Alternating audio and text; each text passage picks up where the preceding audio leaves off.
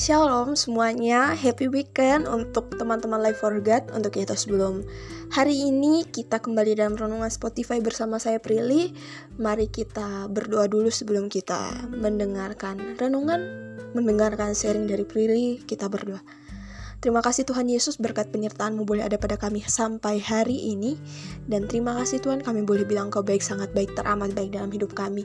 Pada saat ini kami hendak mendengarkan renungan kiranya Tuhan berkati hikmat pengertian bersama kami Agar apa yang kami dengar kami baca tidak lalu begitu saja tetapi boleh tertanam dalam hati dan pikiran kami hari lepas hari. Dalam nama Tuhan Yesus Kristus firman yang hidup kami sudah berdoa. Amin. Yes, oke okay, teman-teman semuanya ini tiba-tiba kena aja di Prilly dan Prilly tertarik untuk sharing ke kalian. Jadi ada momen di mana perekonomian keluarga Prilly itu dalam suatu kondisi yang di bawah bisa dibilang merosot, um, tidak stabil.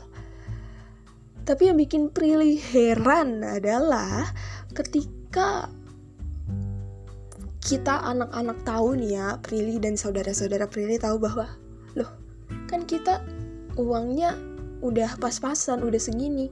Kok masih aja um, makanan yang dibuat atau kue-kue yang dibuat dibagiin ke tetangga dikasih tet ke tetangga sekitar rumah ataupun ada orang-orang terdekat yang jauh um, Prilly heran kan katanya udah nggak ada. Katanya sisa sedikit. Kok masih dikasih? Itu dulu pemikiran um, waktu kecil ya.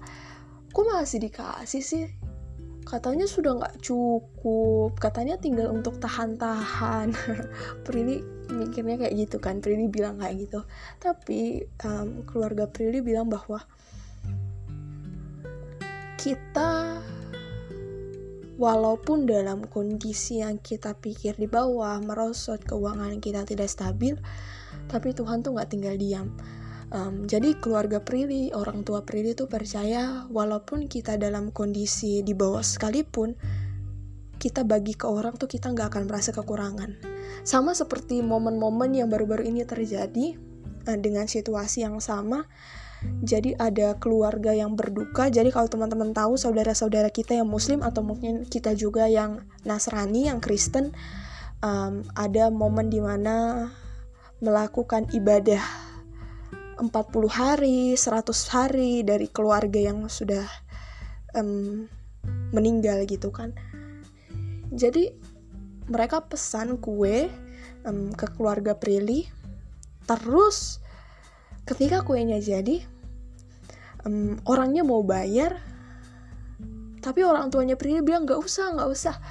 Um, apa namanya? gak usah dibawa pulang saja ini bilang saja saya yang kasih kayak gitu. Nah akhirnya Prilly mikir lagi. Jadi pas selesai ibu Prilly bilang kayak gitu langsung Prilly liatin kan. Karena Prilly juga tahu kondisi keuangannya kita lagi nggak stabil. Tapi Prilly lihat langsung mungkin orang tua Prilly tahu tatapan Prilly maksudnya apa langsung mereka bilang mereka-mereka itu adalah orang juga yang nolong kita saat kita susah. Jadi Prilly ingat momen di mana almarhum Om Prilly meninggal beberapa tahun yang lalu.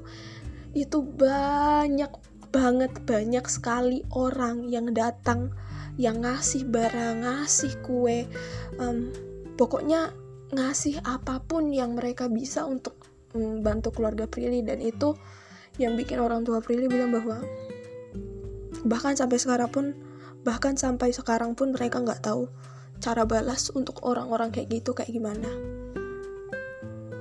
Dan um, orang tua Prilly pun selalu bilang ke Prilly dan adik-adik Prilly bahwa